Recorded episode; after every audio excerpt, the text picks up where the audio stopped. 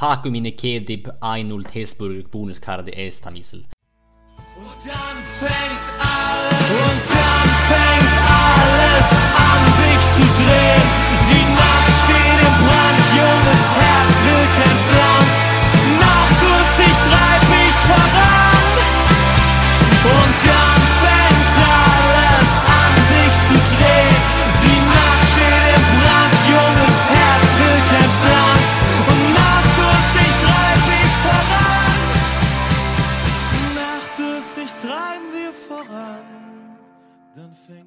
Hjärtligt välkomna till Dreiketen Podcast.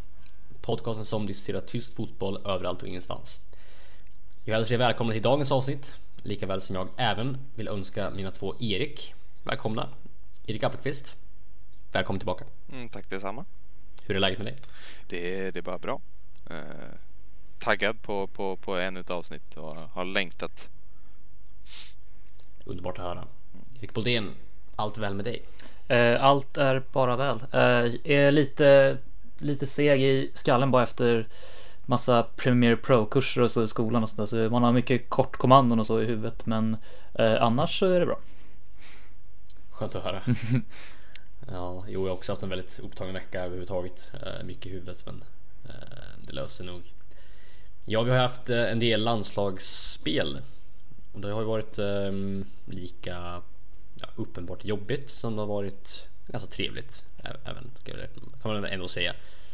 Um, Tyskland spelar ju 0-0 mot Frankrike och 2-1 mot Peru. Första matchen i München, och andra i Sinsheim av alla ställen. Vi återkommer till det lite senare.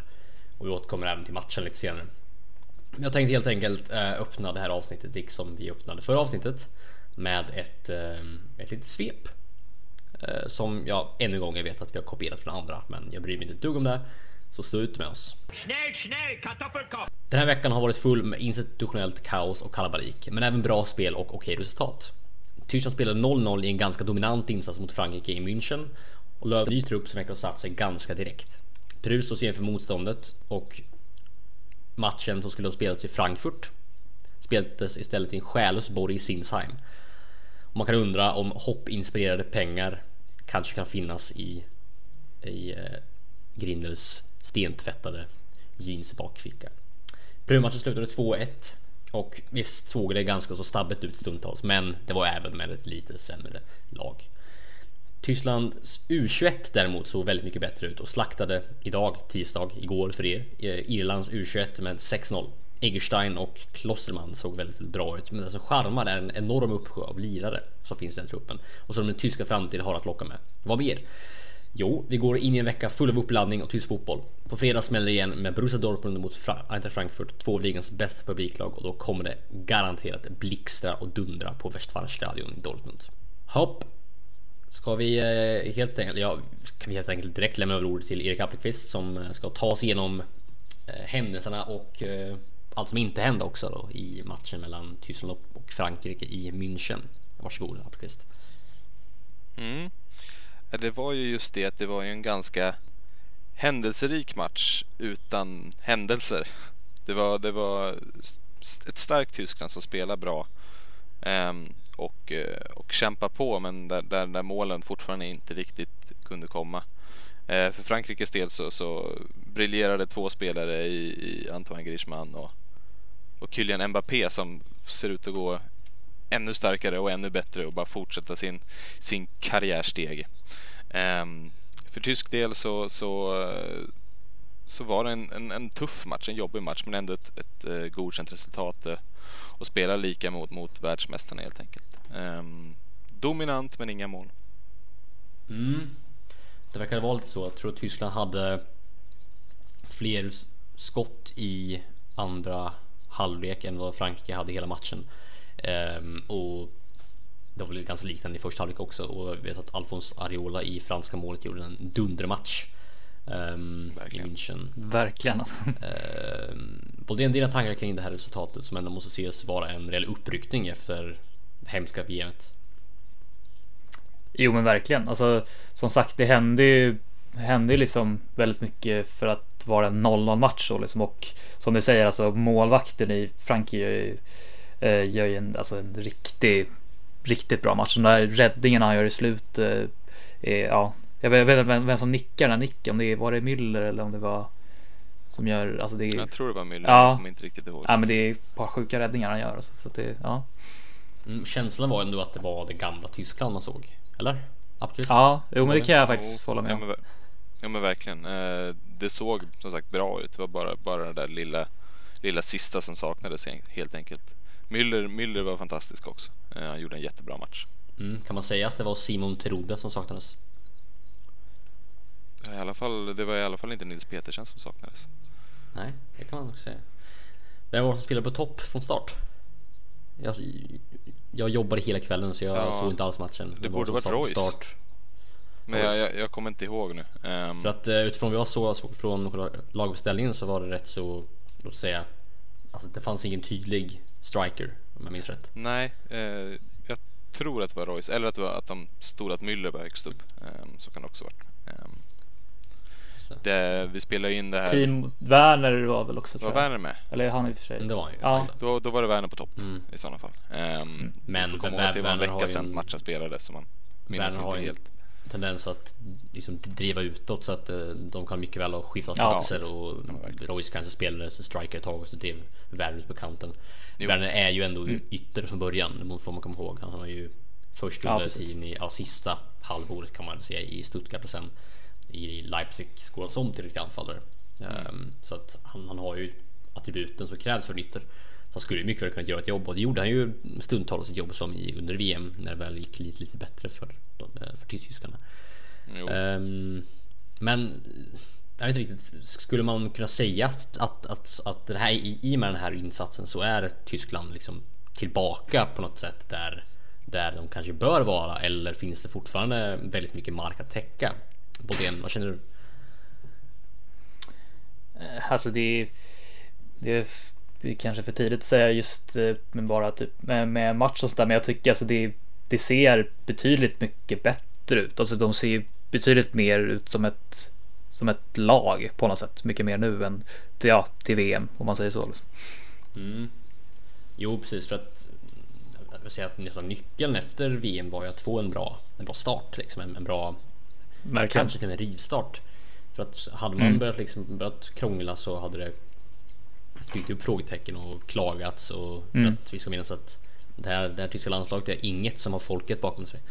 Ehm, det är nog, det har, jag sagt förr, det är nog kanske det landslaget, det tyska landslaget någonsin som har haft minst folkligt stöd någonsin tror jag i den tyska fotbollshistorien. Mm. Ehm, det finns väldigt, väldigt få eh, som är riktigt passionerade kring landslaget längre utan eh, det har blivit en, eh, en karusell, en cirkus liksom som, som, som åker runt och försöker ro- roa folk och det, det är ju naturligtvis ingenting som man vill sikta eh, mot eh, som eh, ja, hos DF, DFB eller DFL så att jag är lite, lite tveksam till ehm, men eh, det var väl en positivt att man fick en, en generellt sett rätt så okej start i med den här matchen där man ändå såg Mm. tämligen dominant ut mot världens bästa landslag då bevisligen. Um, Mm. ett Frankrike som såklart hotade på ganska många fronter men som utifrån vad jag förstod så var Tyskland det absolut mest eh, men, spelförande och även dominanta lag- laget i under stor del av matchen. Vilket naturligtvis kan bevisas och presenteras med hjälp av, be, eh, av ehm, statistik från matchen. Um, det spelades ju en till match som inte riktigt var lika bra och det var ju den mot Peru. Ehm, och jag skulle vilja fråga Appelqvist, vad känner du kring den matchen och speciellt kring resultatet som ändå blev ja, helt okej får man ändå säga. Eller? Ja, jo, nej, men en vinst är alltid en vinst. Eh, det får man inte glömma bort. Men, men eh, jag såg inte matchen, men, men som jag har förstått det och vad jag sett av highlights så att säga, så, så var det inte den, den roligaste matchen för tysk del. Det var ganska knackigt. Eh, det var lite mer det Tyskland vi såg före VM på något sätt. Ehm, Men må- målen Mm. kom ändå. Det finns ju lite glädjeämnen i, i, mål från, från Julian Brandt och, och debutanten Nico Schultz. Eh, Mm. men det var ju inte de... Ja, Nico Schultz mål var, kom ju i slutminuten och var inte, var inte det snyggaste men, men det, var, det var ändå ett, ett Nej. resultat som, som ändå säger någonting om att Tyskland fortfarande, fortfarande vet hur man vinner. Mm. Bra eller dåligt spel. Det precis. spelar ingen roll. Nej, men precis. Det är, det är så bra lag ibland måste göra för att vinna matcher. Men Tyskland är inte kända för att liksom eh, få fram resultat genom hårt spel i slutminuter, utan det är ett lag som ofta dominerar sina matcher och pressar ner motstånd i en slags, eh, ja, en slags vakuum på något sätt. Så det var väl ingenting man såg jättemycket av kanske. Boldén, vad är din tanke kring Peru-matchen? Eh, ja, superkul. Främst då tycker jag för Brandt att han får göra mål såklart. Eh, men eh, jag tycker, ja, men jag, jag tycker han återigen visar hur att han ändå håller på den här höga nivån. Mm, definitivt. Det visar ju utan, utan tvekan i under, under VM också såklart. Mm. Um, när han var ja, den starkast lysande stjärnan i väldigt, väldigt svagt lysande Tyskland såklart. Men um, ja, men alltså, det är ju väldigt, väldigt kul om han kan plocka en faktiskt startplats i det här laget. Jag tycker nästan han, hans form de senaste alltså, två åren nästan förtjänar eh, i alla fall att slåss, att vara nära och faktiskt slåss för en startplats. Um, istället för avdankade um, spelare som kanske inte hör hemma där längre. Så att, eh, jag tycker absolut att det är väldigt, väldigt roligt att Joel Brandt får visa upp sig och, och skina och göra mål. Det gör, gör ju alltid att man ser väldigt mycket bättre ut än man kanske egentligen var. Men ehm, det är kul och även att vi spelade Kai Havertz lite grann också eller? Ja, han kom in, tror han fick ungefär, var väl 3-4 minuter i benen tror jag. Så det, det är i alla fall kul att han får hoppa in. Men Ja, men verkligen. Det är väldigt roligt. Ehm, väldigt roligt att se. Det vore ju, jag tror att, ah, jag tror nästan att ett, ett, en, en anfallsfyra med eh, Julian Brandt, Havertz, Sané och Werner skulle kunna vara rätt så kul att se på. Faktiskt skulle kanske vara det, det mest fartfyllda och kanske mest ehm, spektakulära och även oförutsägbara som Tyskland skulle kunna ställa upp med. Um, tror jag. Frågan är om det skulle gå så bra. Det, det är ju spelare som är ganska liknande på väldigt många sätt. Um, rappa, inte speciellt bra på huvudet, väldigt bra i djupled men är någon av dem superbra på att faktiskt spela fram bollarna eh, i djupled. Det, det är det som man kanske måste sätta fingret på. Um, vet ni vad som driver mig till vansinne med Peru-matchen? Nej, du får gärna förklara vad det kan vara. Det är byte av arena. Som eh, Rainer Grindel eh, gör i eh, slutminuterna innan, innan matchen. Eller, eh, ett, ett par dagar innan matchen så matchen skulle egentligen ha spelat på Commerzbank Arena, Waldstadion i Frankfurt. Um, Frankfurt då som i framtiden 24 förväntas vara en av Tysklands ehm, um, värdstäder när de tar EM. Um, ehm, och Göran Rainer Grimm finns en överhängande risk att Frankfurts ökända Ultras ska förstöra Tysklands chanser att få EM 2024 med bråk och bengaler och, och grejer. Och därför så lägger man istället matchen i en av ligans mest själlösa arenor, det vill säga eh, Rheineckar Arena i Sinsheim som ligger mitt ute på ett fält, mitt ute i ingenstans. En bit från en väldigt, väldigt vacker stad som heter Heidelberg, men alltså den är ju Ska man, jag känner så här att ska man definiera vad DFB är 2018 så har vi ett grymt exempel på det just här. Man, man väljer bort någonting som hade kunnat vara publikfriande, som hade kunnat visa upp den bästa sidan av tysk fotboll, som är supportrarna utan tvekan. Så, har det varit de senaste 20 åren. Det- bästa med tysk fotboll har varit supportrarna. Visst, högkvalitativ fotboll, snabb fotboll, absolut. Mycket mål, absolut. Men supportrarna är det som ändå lockat mest folk. Det har varit myten om, om, om Dortmunds gula vägg. Det har varit ryktena om om Kölns hymn. Alltså ni förstår vad jag menar. Det har, det har varit de, de här supporter eh, massorna, de här supporterskarorna eh, som har flockats till varje match, som har skapat liv, som har skapat rörelse, som, har skapat ljud. Det är de som har gjort den tyska fotbollen så populär som den är just nu i världen. Det är inte högkvalitativ högkvalitativa fotbollen. Det är inte eh, gegenpressing. Det är supporterna. Och att därf och att på, grund, på något sätt välja bort det där för att man är rädd att det kommer sabba Tysklands chanser. Alltså man, man måste vara mer verklighetsfrånvänd än, än Thomas Müller när man säger att rasism finns inte i fotboll. Alltså man, man, man man måste vara sån i sin egen giriga lilla värld så att man inte fattar vad man håller på med. att, att Rainer Grindel fortfarande för det första sitter kvar efter Özil-skandalen eller Özil-grejen överhuvudtaget är för mig, för mig en gåta. Och att han nu fortfarande kan sitta starkt på post när det har blivit ganska stora rykten och ganska stora skandaler och, och liksom rörelser i den, den, i den tyska fotbollsvärlden kring just den här händelsen att han flyttade matchen från Frankfurt till Sinsheim. Att han fortfarande sitter starkt, att han fortfarande sitter kvar. Det är för mig ett bevis på att DFB är den stora grunden till att Tyskland som fotbollsland håller på att stagnera något alldeles brutalt. Och att man måste göra sig av med Rainer Grindel om man vill behålla sin plats i toppfotbollen. För att det, som det är just nu, det funkar inte. Man, man, kan, man kan inte fortsätta att välja, välja bort supporterskap och, och, och, och passion för, för liksom pengar och, och, och, och, och bryktsamhet. Det funkar inte.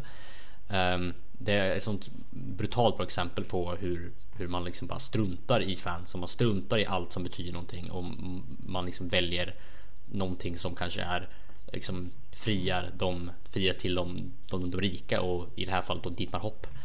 Så att nej, jag är riktigt irriterad av det här um, och det kommer en krönika inom kort om det här på Svenska fans som ni kan säkert kommer kunna läsa med med, med, ehm, med lycka. Men um, jag tycker att det här är ett sånt excellent exempel på när alltså DFB eh, inte bara skjuter sig i foten utan skjuter sig själv i, i huvudet. Och nu måste liksom någon kliva in och göra en väldigt, väldigt snabb operation för att rädda livet på den tyska fotbollen för att det här håller på att gå ordentligt åt helvete. Yes, eh, lite eh, ta ett steg ifrån den dystopiska eh, framtidssynen och låt oss titta på en annan väldigt, väldigt utopisk framtidssyn som jag skulle vilja säga finns i eh, ungdomslagen i Tyskland. Eh, vi har ju haft ett litet generationsbyte. Eh, för ett par år sedan så hade vi spelare som då Julian Brandt eller eh, Niklas Kühler, Jonathan Ta i, i eh, u landslaget i Tyskland. Nu har vi en annan generation med spelare som har dykt upp som också är väldigt, väldigt intressant. Ehm, det är ju då spelare som Maximilian Eggerstein som är en, en, en, en, en riktigt, riktigt duktig spelare och även en, mer eller mindre en nyckelspelare i Werder Bremen som är ett, ett, ett väldigt väletablerat lag i, i Bundesliga. Men man har även spelare som, ja, eh, men, ja, vad har man? Lukas Klossman, eh, man har Florian Müller, man har, man har spelare som är liksom nyckelspelare i sina klubbar fortfarande.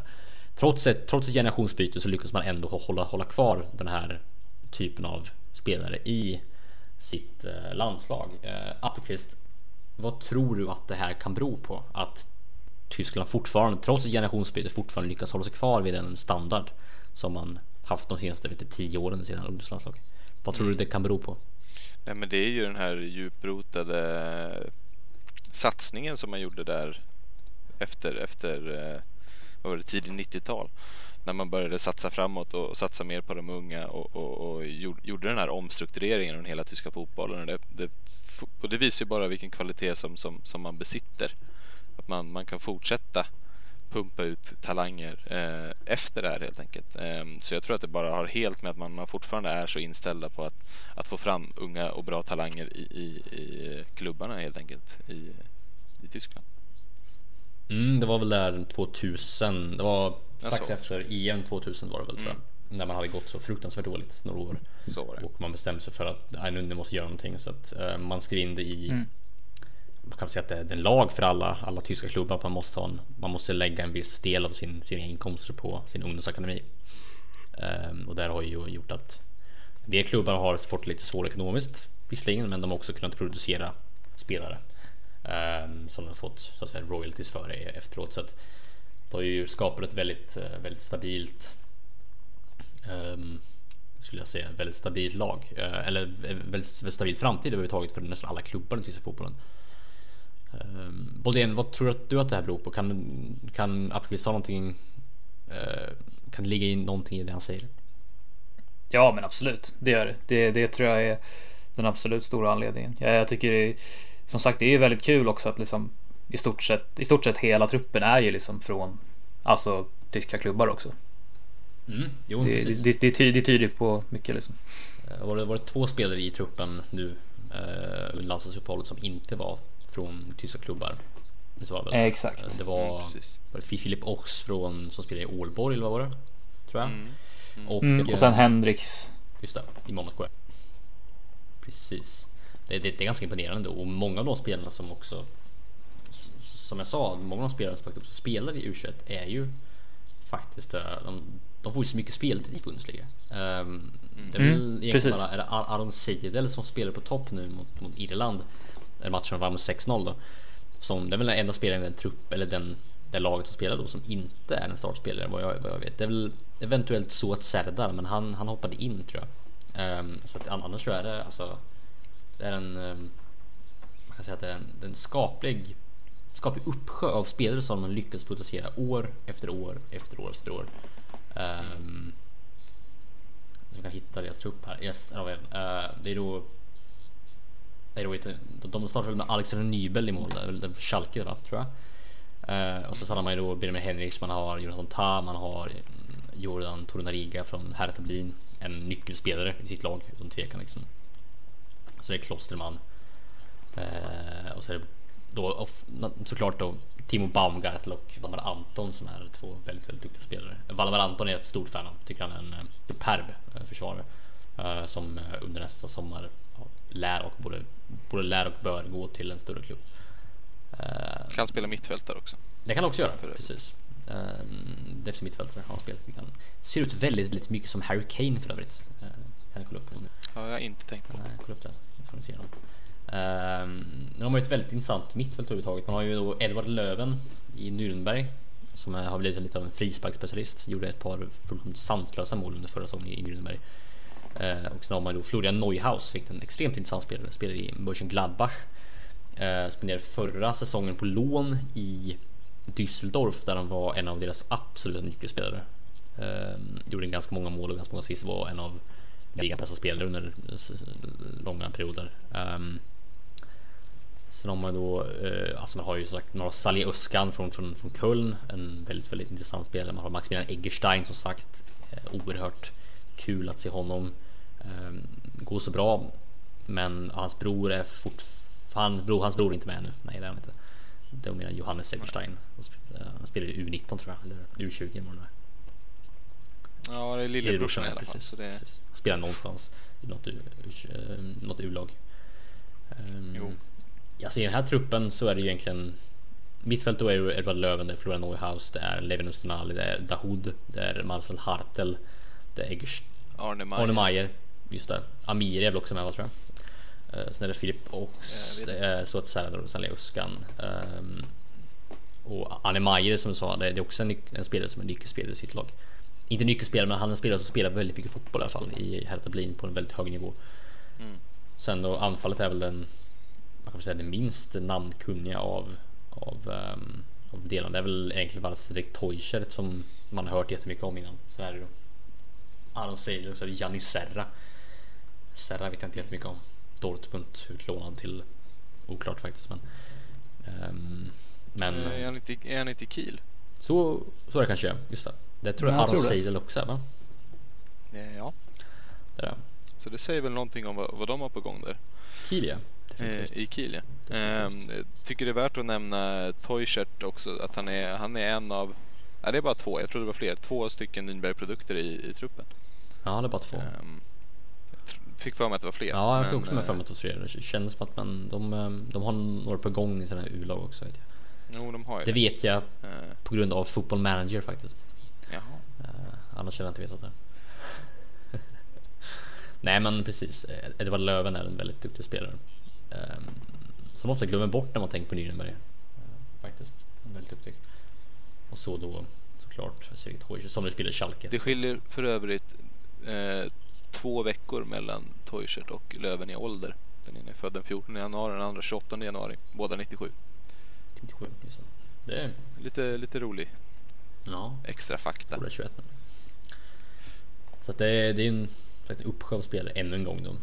Ehm, Det är inte, kanske inte lika namnkunnigt som det var för typ två år sedan men det är fortfarande spelare på en väldigt hög nivå. Liksom. Så att det är, jag tycker väldigt intressant att se hur, hur man lyckas med det här liksom varje gång. Eh, varenda generation man får fram nu är ju, är ju full stjärnor som, som kommer bli någonting i framtiden. Det är, det är väl egentligen bara två, två stycken eh, liksom positioner där man inte haft några så jättestora spelare de senaste två generationerna. Eh, och det är väl då, det är väl målvakt hade man väl ingenting under den förra som kom fram och anfallare, ja det är väl Timo Werner men han Timo Werner och, och David Selke med. Ja just det, överskattat tycker jag. Eh, ja jo men visst, visst, visst. Mm. Eh, Men Timo Werner gick, han var knappt med i U21. Han gick väl egentligen direkt från Från Stuttgart och sen bara direkt till Ja, landslaget egentligen. Så att, Eh, vi ska väl det är säga visserligen för, den generationen. Så att, för fyra år sedan så hade man ju Ter Stegen och Bernt Leno mm, i, i mål. Ehm, Ja, det är en bra. Det är. Det, det är ganska Duo. starkt. Ehm, och när man vann där senast så var det ju han uh, unga i, i Hamburg nu Kaiserslautern målvakten. Mm. Jaha. Ja, alla är ju unga förstås men Marius Vad heter Müller. han? nej nej nej. Nej, inte han. Uh, Kaiserslautern, menar du nu? han, han, han gick ju från Kaiserslautern till... Pollersbäck, till aha. Ja precis. Just det. Han som Filip Wåhlin sa var världens bästa målvakt. Precis, men det säger de väl om alla Hamburgspelare. Ja, inte nu längre. Han har gett upp på det. Han är jätteupp på det. Precis. ja, just det. Nej, så, så där har vi en som fortfarande spelar på hög nivå. Mm. Tycker att vi, vi pratade om det, tycker det är kon, in, innan podden att det, det är konstigt att en, en målvakt som Florian Müller har blivit uttagen men som inte är med i truppen just nu. Ehm, och egentligen, han borde vara först. Eller första målvakt i det här laget skulle jag säga. Eh, nyckel, alltså första målvakt i, i Mainz. Eh, och har utkonkurrerat till exempel eh, René Adler i det laget. Eh, han borde vara en given etta tycker jag i det här u laget men han är inte det. Nej, jag vet inte riktigt vad Alexander Nybel har gjort för att förtjäna den startplatsen. Eh, den spelar jag egentligen bara hört om på grund av att jag spelat fotboll manager och Fifa egentligen. Alltså, jag, jag vet om, om det har funnits men liksom vad han har gjort vet jag inte för att förtjäna det. Jag menar, han, har, han har fått någon match, kanske i Schalke, på grund av att man har vilat till. Men jag tror jag menar, Färman har väl spelat nästan varenda match de senaste typ tre åren. Så att, men Florian Müller som sagt, han har ju konkurrerat ut Renade. Visst har alla varit skadade mycket. Han har fått mycket chanser att spela, men han har också gjort det väldigt bra. Ska minnas. Det, är- det är inte så att han liksom har kastat in och sen gjort ett sjaskigt jobb, utan Florian Müller har ju faktiskt eh, i vissa matcher varit en riktig fantom. Jo, Stått emot både, eh, både allt och ingenting. Så att, eh, jag håller med helt där att det är lite lustigt att han inte liksom att han inte ehm, startar i u landslaget Men jag vet inte, det, är ju, det kan ju vara någon slags personlig Fast- vendetta där också som, som eh, Ja. vet han. Jag tyckte jag såg någonting nu om att han typ var vrist, vristskadad tyckte jag kunde se någonting. Okej, det Det kanske kan, förklarar det kan vara någonting bara att Det kan förklara. någonting sånt då. Men samtidigt så alltså, han, han, har ju, han har ju inte spelat innan heller för att Alltså Okej. jag vet att Nybel har spelat de, alltså, de senaste gångerna man har sett en trupp så har Nybel spelat. Okej. Ehm, eh, jag vet inte riktigt varför, alltså jag vet inte riktigt vad vad det att göra med. Någonting har det att göra med, men jag vet inte riktigt vad. Men, ehm, nej, men det, är, det är en väldigt, väldigt kul trupp i alla fall generellt sett överhuvudtaget. Det är ju väldigt många spelare som man inte hört om lika mycket som kanske förra generationens spelare, men fortfarande alltså, det är jätte, jätteintressanta spelare på så många platser. Eh, sagt spelare som Florian Neuhaus som väldigt många utanför liksom, Bundesliga-expertisen inte ens har hört om ett dugg liksom. Och han är ju e-, en av Tysklands mest spännande mittfältare just nu så att det är ju oerhört intressant. Um, Stefan Kuntz på något sätt som, som tränare där. Det, eh, ja, men det är lite, lite, lite kul. Um, en annan spelare som, så, så, såklart lämnade sin, um, sitt landslag var ju då Leroy Sané i, i helgen. Um, det handlar väl om att han, eh, som tur var den här gången så handlar det inte om att han hade hamnat i bråk med någon utan det hade handlat om att han hade fått ett barn. Som jag förstod. Um, så att det var, det, var, det var inte som att eh, Löv hade skickat hem honom för att han hade dålig attityd. Som, eh, vilket verkar vara ganska rimligt numera dock. Men utan det var av en ganska rimlig anledning. Eh, annars är ju det en extremt kul spelare som man säkert hade kunnat göra ganska mycket sånt i Frankrike och Peru. Jag tänkte skulle gå vidare om ni är redo. Prata lite grann om helgens matcher. Bundesliga återvänder ju så underbart där Ehm, till våra saliga tv-apparater. Och ehm, helgen börjar ju med då Dortmund mot Frankfurt, men eh, det är väl inte riktigt den mest intressanta matchen. Kanske, enligt mig är det såklart det, men den mest intressanta matchen är väl då det som vi skulle kunna kalla för Dreierkette-derbyt. Eh, mellan då Erik Appelqvists eh, Bayern München och Erik Bodéns Bayer Leverkusen. Eh, tänkte börja med bortlaget. Erik Bolén, vad känner du kring den här matchen? Vad, har Bayer Leverkusen för, för förhoppningar i denna kamp mot rekordmeister? Hade du, hade, hade du frågat mig innan säsongen hade det här varit liksom supermatchen någonting som man hade verkligen sett fram emot och eh, men nu är det ju med de här två förlusterna så känns det liksom ja, man går inte in med någon jätte jättebra eh, känsla så men eh, det, man får helt enkelt bara hoppas på att spelet i alla fall ändå ser bra ut liksom. Eh, för att det är, vi har glömt bort, är det hemma eller borta match för Leverkusen? Borta match va? Borta, ja, det, ja. Det, det kommer bli, på förhand blir det ju helt klart svårt. Men det, ja. Det är som sagt, det hade varit jävligt mycket roligare om ni hade nu, ni hade haft två segrar i ryggen. Men ja, det får se vad det blir helt enkelt. Mm. Och förra säsongen då man mötte Bayern i första matcherna och gav, Ja det gick ju sådär. Då gav vi Bayern um, herrlichenskapligt mm. skapligt välkomnande. Ja verkligen så att det 3 eller 4-0 så det var rätt så. Mm. Även fast vi liksom måste komma Vi måste ju liksom komma igång snart liksom, men det, det är väl förmodligen den här matchen som man inte ska ha för höga förhoppningar kanske. Nej, det känns ju inte som den matchen när man ska återhämta sig från sin hemska form. Nej, precis. Eh, Bayern är ju sällan ett lag som man brukar kunna göra däremot. Det brukar ju bara bli en förlängning av sin egen trend. Eh, mm. Appelqvist, dina tankar kring den här matchen som ändå måste ses vara en ganska svår match för Bayern München? Uh, ja, men som, som vi har sagt på pappret är det en svår match. Men Leverkusen har det svårt för Bayern på Allians. Um, brukar förlora där. Och jag tror att man, man, man har den, den hemmamatchen i, i, i ryggen och man ska nog städa av Leverkusen utan större problem. Men samtidigt som du säger, det är en tuff match. Det är, det är ingenting som man bara ska ska borsta av från, från axeln så att säga. Um, man kommer behöva göra en, en bra insats. Men uh, jag har, har goda förhoppningar för, för att ta hem även den här matchen. Mm, jo, men det känns väl ganska rimligt egentligen. Um, Bayern brukar ju vara extremt svårslagna på hemmaplan. Det är väl Mainz brukar ha en tendens att kunna slå er och även Gladbach, Gladbach. men är väl de enda lagen som har någon slags trend på, på allians. Um, nej, men jag håller med i båda. Det känns ju mindre intressant än vad det känns på förhand den här matchen, alltså då före säsongen hade börjat som Bolén säger så förra säsongen hade börjat så hade den här matchen varit en Ja men en, en, en ja men ska man säga en, en ödesmättad match på något sätt. Även fast det tre, tredje matchen på säsongen så hade man då sett en slags, man har fått en indikation på var båda lagen står i förhållande till varandra.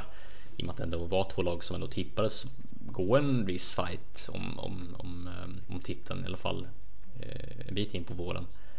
Så men nu, nu känns det ju mer som att det är ett, ett Leverkusen som chippar för andan lite grann och mm. liksom, som har slutat trampa vatten och nu börjar liksom hålla på att drunkna. Och, och ett Bayern München som ja, i och med match mot Stuttgart börjar verkligen få upp fart och börjar kunna spela sin Eh, vanliga frediga och fina fotboll. Ehm, även fast man har en rätt så negativt ehm, laddad coach på negativ fotboll då i Niko Kovac. Men, så att jag nej, håller med båda. Det känns väldigt väldigt spritt, väldigt osäkert, men kan bli en kul match, men borde inte vara borde inte vara övrigt spännande heller. Alltså. Jag hoppas verkligen också att alla Leverkusen spelare tillbaka, sånt som ja, men, Radeski och även Sven Bender. Eh, så alltså spelar Dragovic och Öskan då, då, då, är det, då behöver jag inte ens se matchen. Då, då, blir, då är det 5-0 till Bayern liksom. Alltså det är... Fem självmål. Ja, ja men typ av Öskan och Dagovic båda två. Typ. Ja men liksom det, nej. Så, men jag såg att Hradeski står ju nu för Finland mot Estland som spelar just nu så att han borde ju stå. Ja men skönt. Helt klart. Skönt. Spännande derby för övrigt. Mm. Mm, just det. Faktiskt. jag är li lite osäker på estniskan tyvärr, alltså språket. Jag, det språk jag inte riktigt lärt mig. Jag kan lite litauiska faktiskt. Men uh, min, min estniska är fortfarande lite rostig. Uh, Behöver man kunna det då? nej, jag vet inte riktigt. Alltså, vill man bli respekterad i Tallinn så är det väl ett, en fördel att kunna lite estniska antar jag. Ja men så, men ja. ganska många där kan ju. Sen är väl frågan, vill man verkligen bli respekterad i Tallinn? Det vet jag inte om man vill bli egentligen. Men Behöver man bli det framförallt? ja, alltså. Respekt behöver man väl alltid eller? Ja, jo, men Men, men det är liksom just i Tallinn. Eller? Deras egna hamburgerkedja är sådär alltså. Vad heter det, den? Jag kommer inte ens ihåg. Det var alltså typ samma färger som typ Max, men det var så här. äh, Nej, Det det, här. kommer inte ens. Det var. Det här som. Det, det, jag var där för typ när jag var typ kanske typ 10-11 år, så det kanske ändrats, men det var. Det var någon ställe som typ hade tre burgare typ och det var någon så här äh, märklig coleslaw röra på. Äh, det var, det Känns ju väldigt kommunistiskt att ha tre burgare. Så här, Ja, men jag för mig de hade inte mycket att välja på, så det. Det var inte direkt några cheeseburgare liksom. Kostar a- alla tre lika mycket? För det hade varit väldigt, väldigt eh, liksom... Ja, men det gjorde de nog säkert tror jag. Ja. Vad heter den? Åh. Jag blir galen på sån här. Jag måste hitta vad den heter. Liksom... Mm. Mm, jag förväntar mig att ni är hemma. Ja, det heter den. Hessburger heter den. Där är den. Där har vi den. Bra. Kom från Stormarnas blogg. Stormarnas.blogg.se. Apropå att gå i land så blir det en tur i Tallinn på onsdag. Kanske blir det en burgare på Hästburger. Etnisk hamburgerkedja. Låter väldigt romantiskt faktiskt. Oj, oj, oj. Jag kan slå in på deras hemsida för att se- för att se vad de bjuder på. Hästburger. Är det punkt, Har de- punkt ES, har de chili punkt cheese, tro? EE, EE kanske det är. Ja men det är ju. Wow, sjukt man kunde den. Asch, Har de chili cheese tro? det måste de nog ha. Chili cheesinen kanske de har. Alltså, Jag tror nästan att nästa avsnitt kommer spelas in i Estland. Ja, det tycker jag vi gör. I den, i den här takten. På hästburgare. På Hästburger, precis. Jag måste kolla på deras meny. Nej, jag kan inte nå IP-adress. Vadå? Vad, vad menar du nu?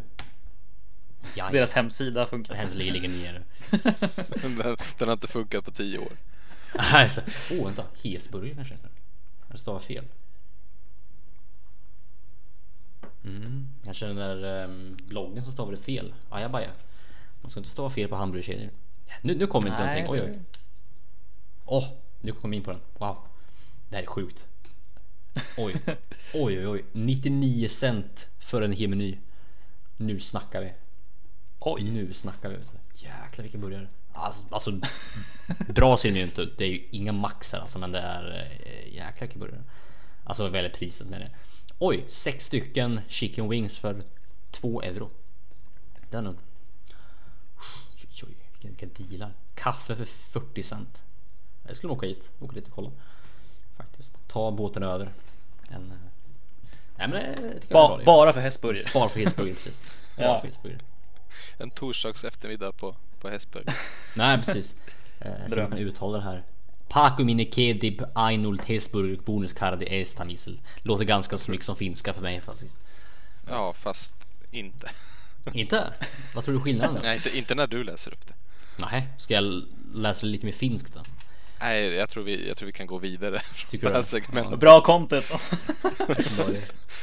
Riktigt bra content. Nej, men jag tror vi, vi ska väl hoppa vidare och fortsätta prata Radetski, va?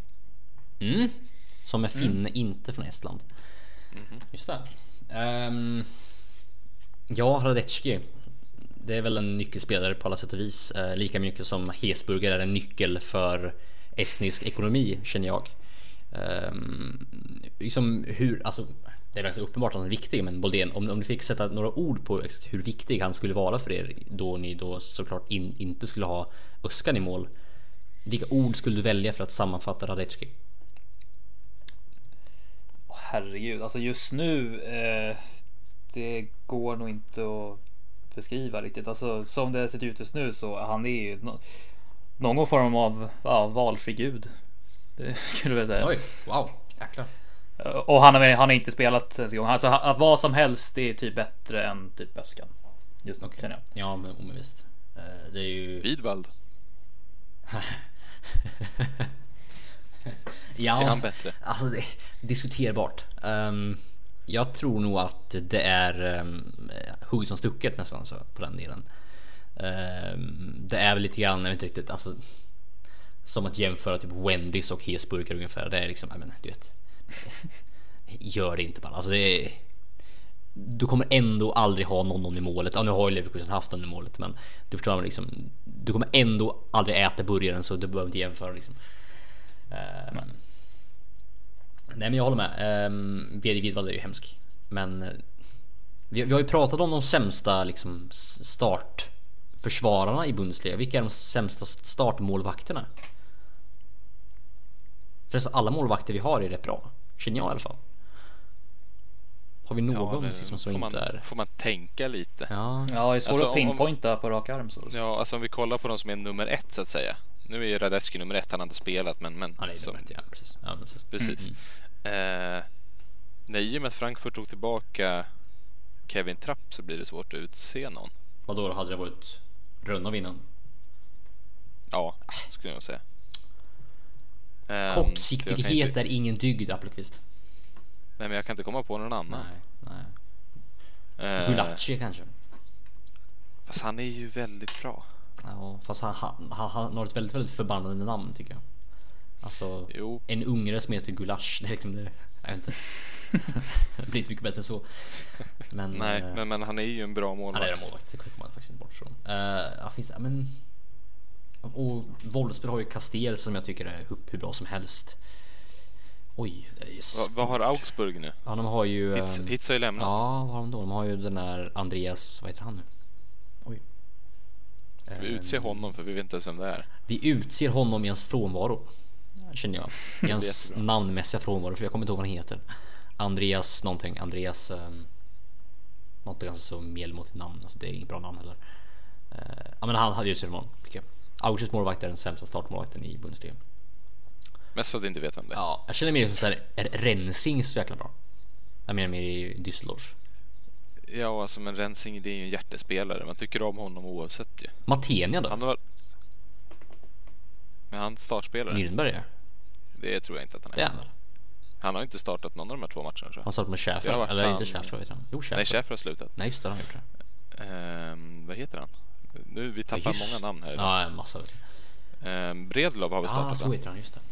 Fabian Bredloff. Eh, Han har startat. han, Ja, han är okej. bättre än Matenia skulle jag säga. Schwolov då? Nej, han är också bra. Chauner, han är också bra. Nej, du vet, det är svårt.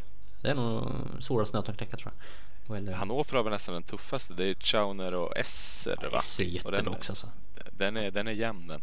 Esser är riktigt bra. Eh, Darmstadt alltså, har, en, har en förmåga att, att producera riktigt duktiga målvakter har märkt. Mm. Först, först var det Mate- Matenia, sen var det Esser och nu är det ju vet du, Hoyer Fernandez som är hur bra som helst i, i Zweite. Mm. Han är ju typ den överlägset bästa i hela Zweite så det är svårt som satan. Jag känner att eh, Ja. Ron Robert Zieler är ju inte, jag vet inte riktigt, är han så bra fortfarande? Fast han är han är inte dålig. Nej men, Det är det. men brist på annat liksom. Ja, men har vi inte utsett han Augsburg-målvakten som vi inte ens vet vad han heter? Ja, kanske gjort det. De har, de har ju liksom inte riktigt ersatt, Nej, ersatt inte hits.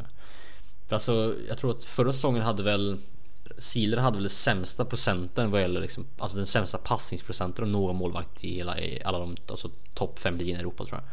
Jag tror han hade en, pa, en passningsprocent på typ 50 procent eller någonting. Det är helt sjukt.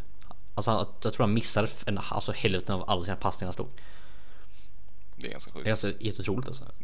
Det ska vara korta passningar också. Men han, han måste ju ha lagt många långbollar måste han ha gjort. Ja okej, korkut, Eh. långbollar det går ju faktiskt ihop ganska väl. Precis, så det, det är inte så många korta passningar Nej, där tror jag inte.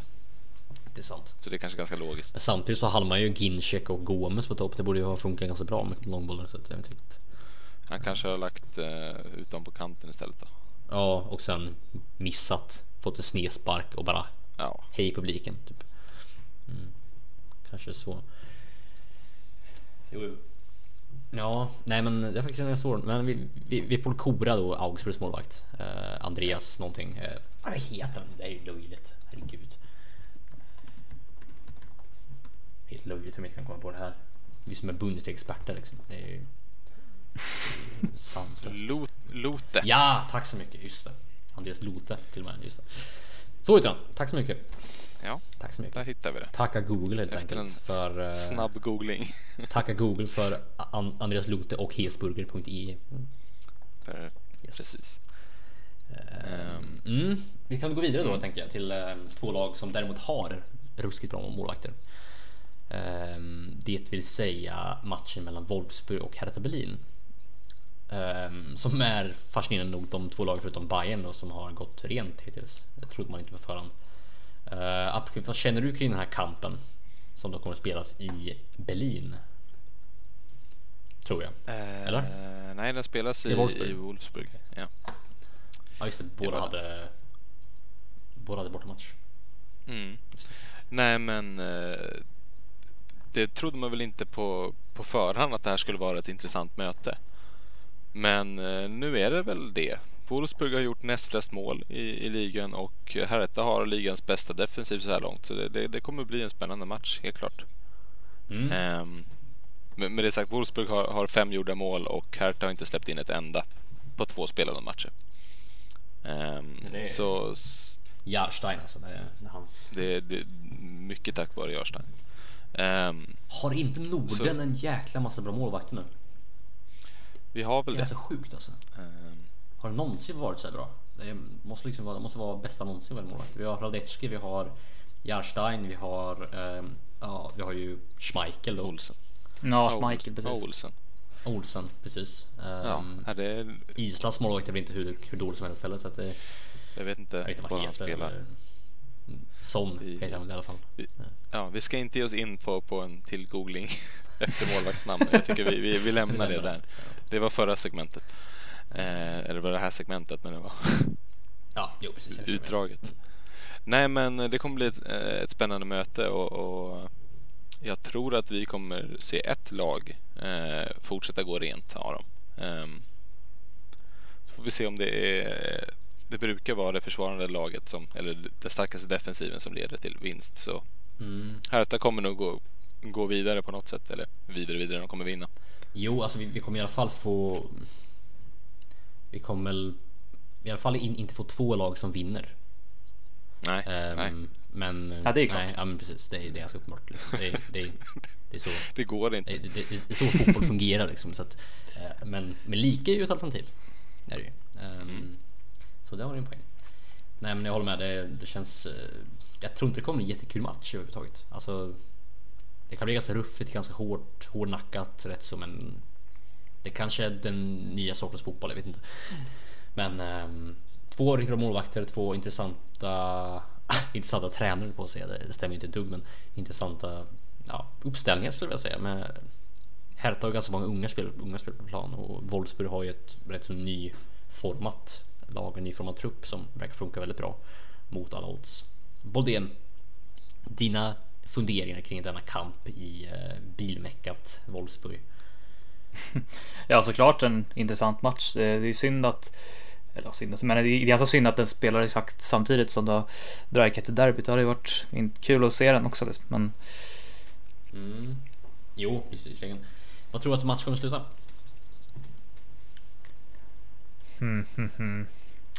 säger, det kommer ju kommer ju vara jävligt jämnt. Alltså, ja. Snacka om oavgjort. Alltså, typ kanske drar vi till med en 2-2 då.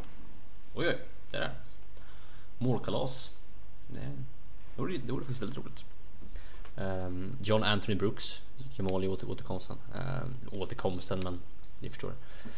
Um, Hemkomst? hemkom, ja. Jag vet inte heller om det blir. Ja, Ja, nej, jag vet inte. Han har varit hemma några gånger tidigare. Men ja, det, men det, det kan vi räkna med att han har varit. Eh, jag tror inte han, han har liksom bara försvunnit hemifrån helt och hållet. Men, Ehm, och dessutom så spelar han ju på hemmaplan nu, så han, de är inte ens i Berlin. Nej, alltså det, det beror ju på hur man definierar hemma också.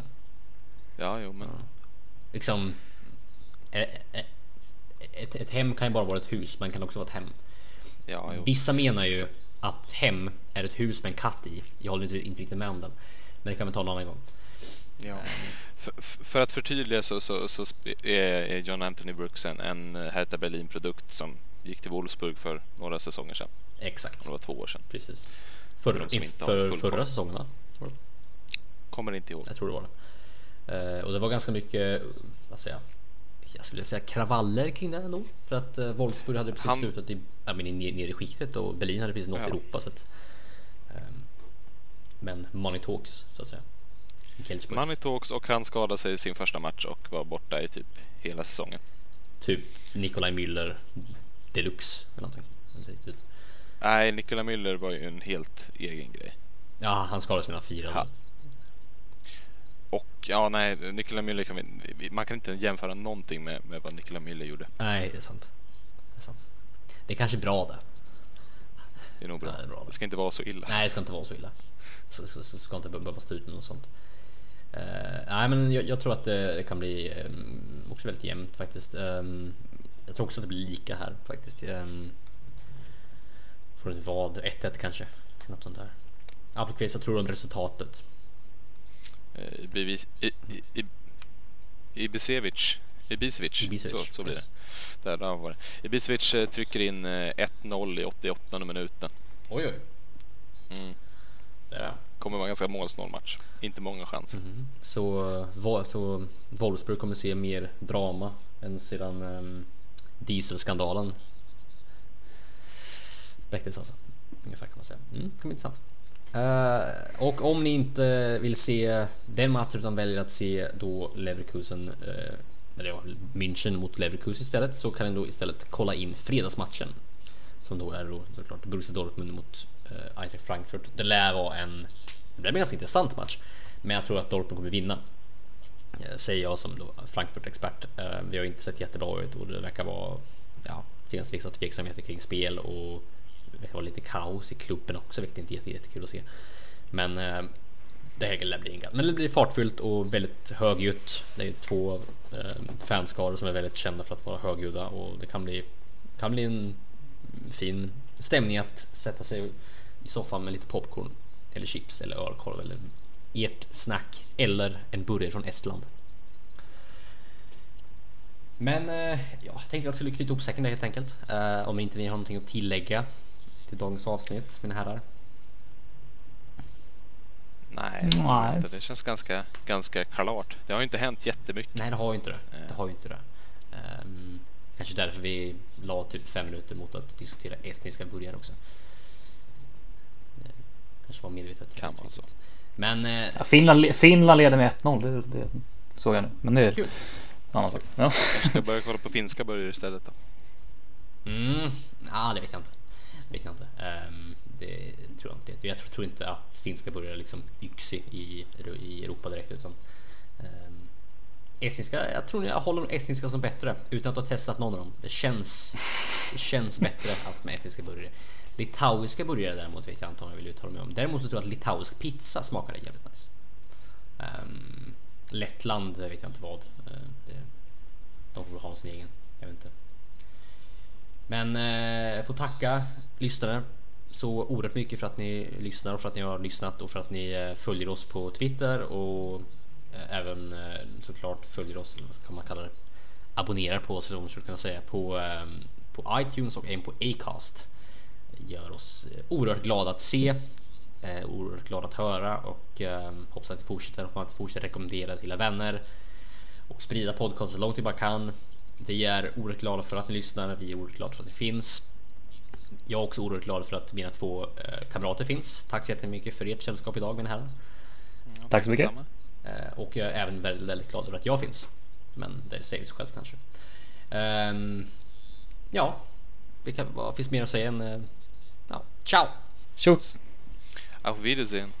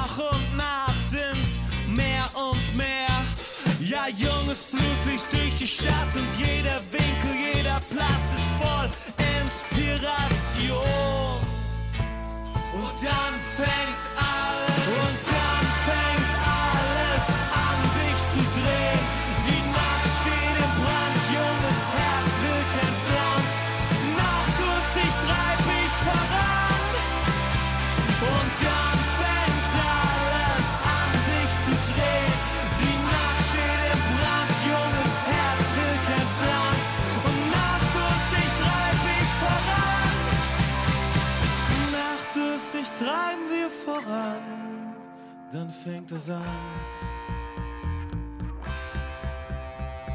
Zünd diese Stadt heute an. Zünd diese Stadt heute an. Wir zünden die Stadt heute an. Und dann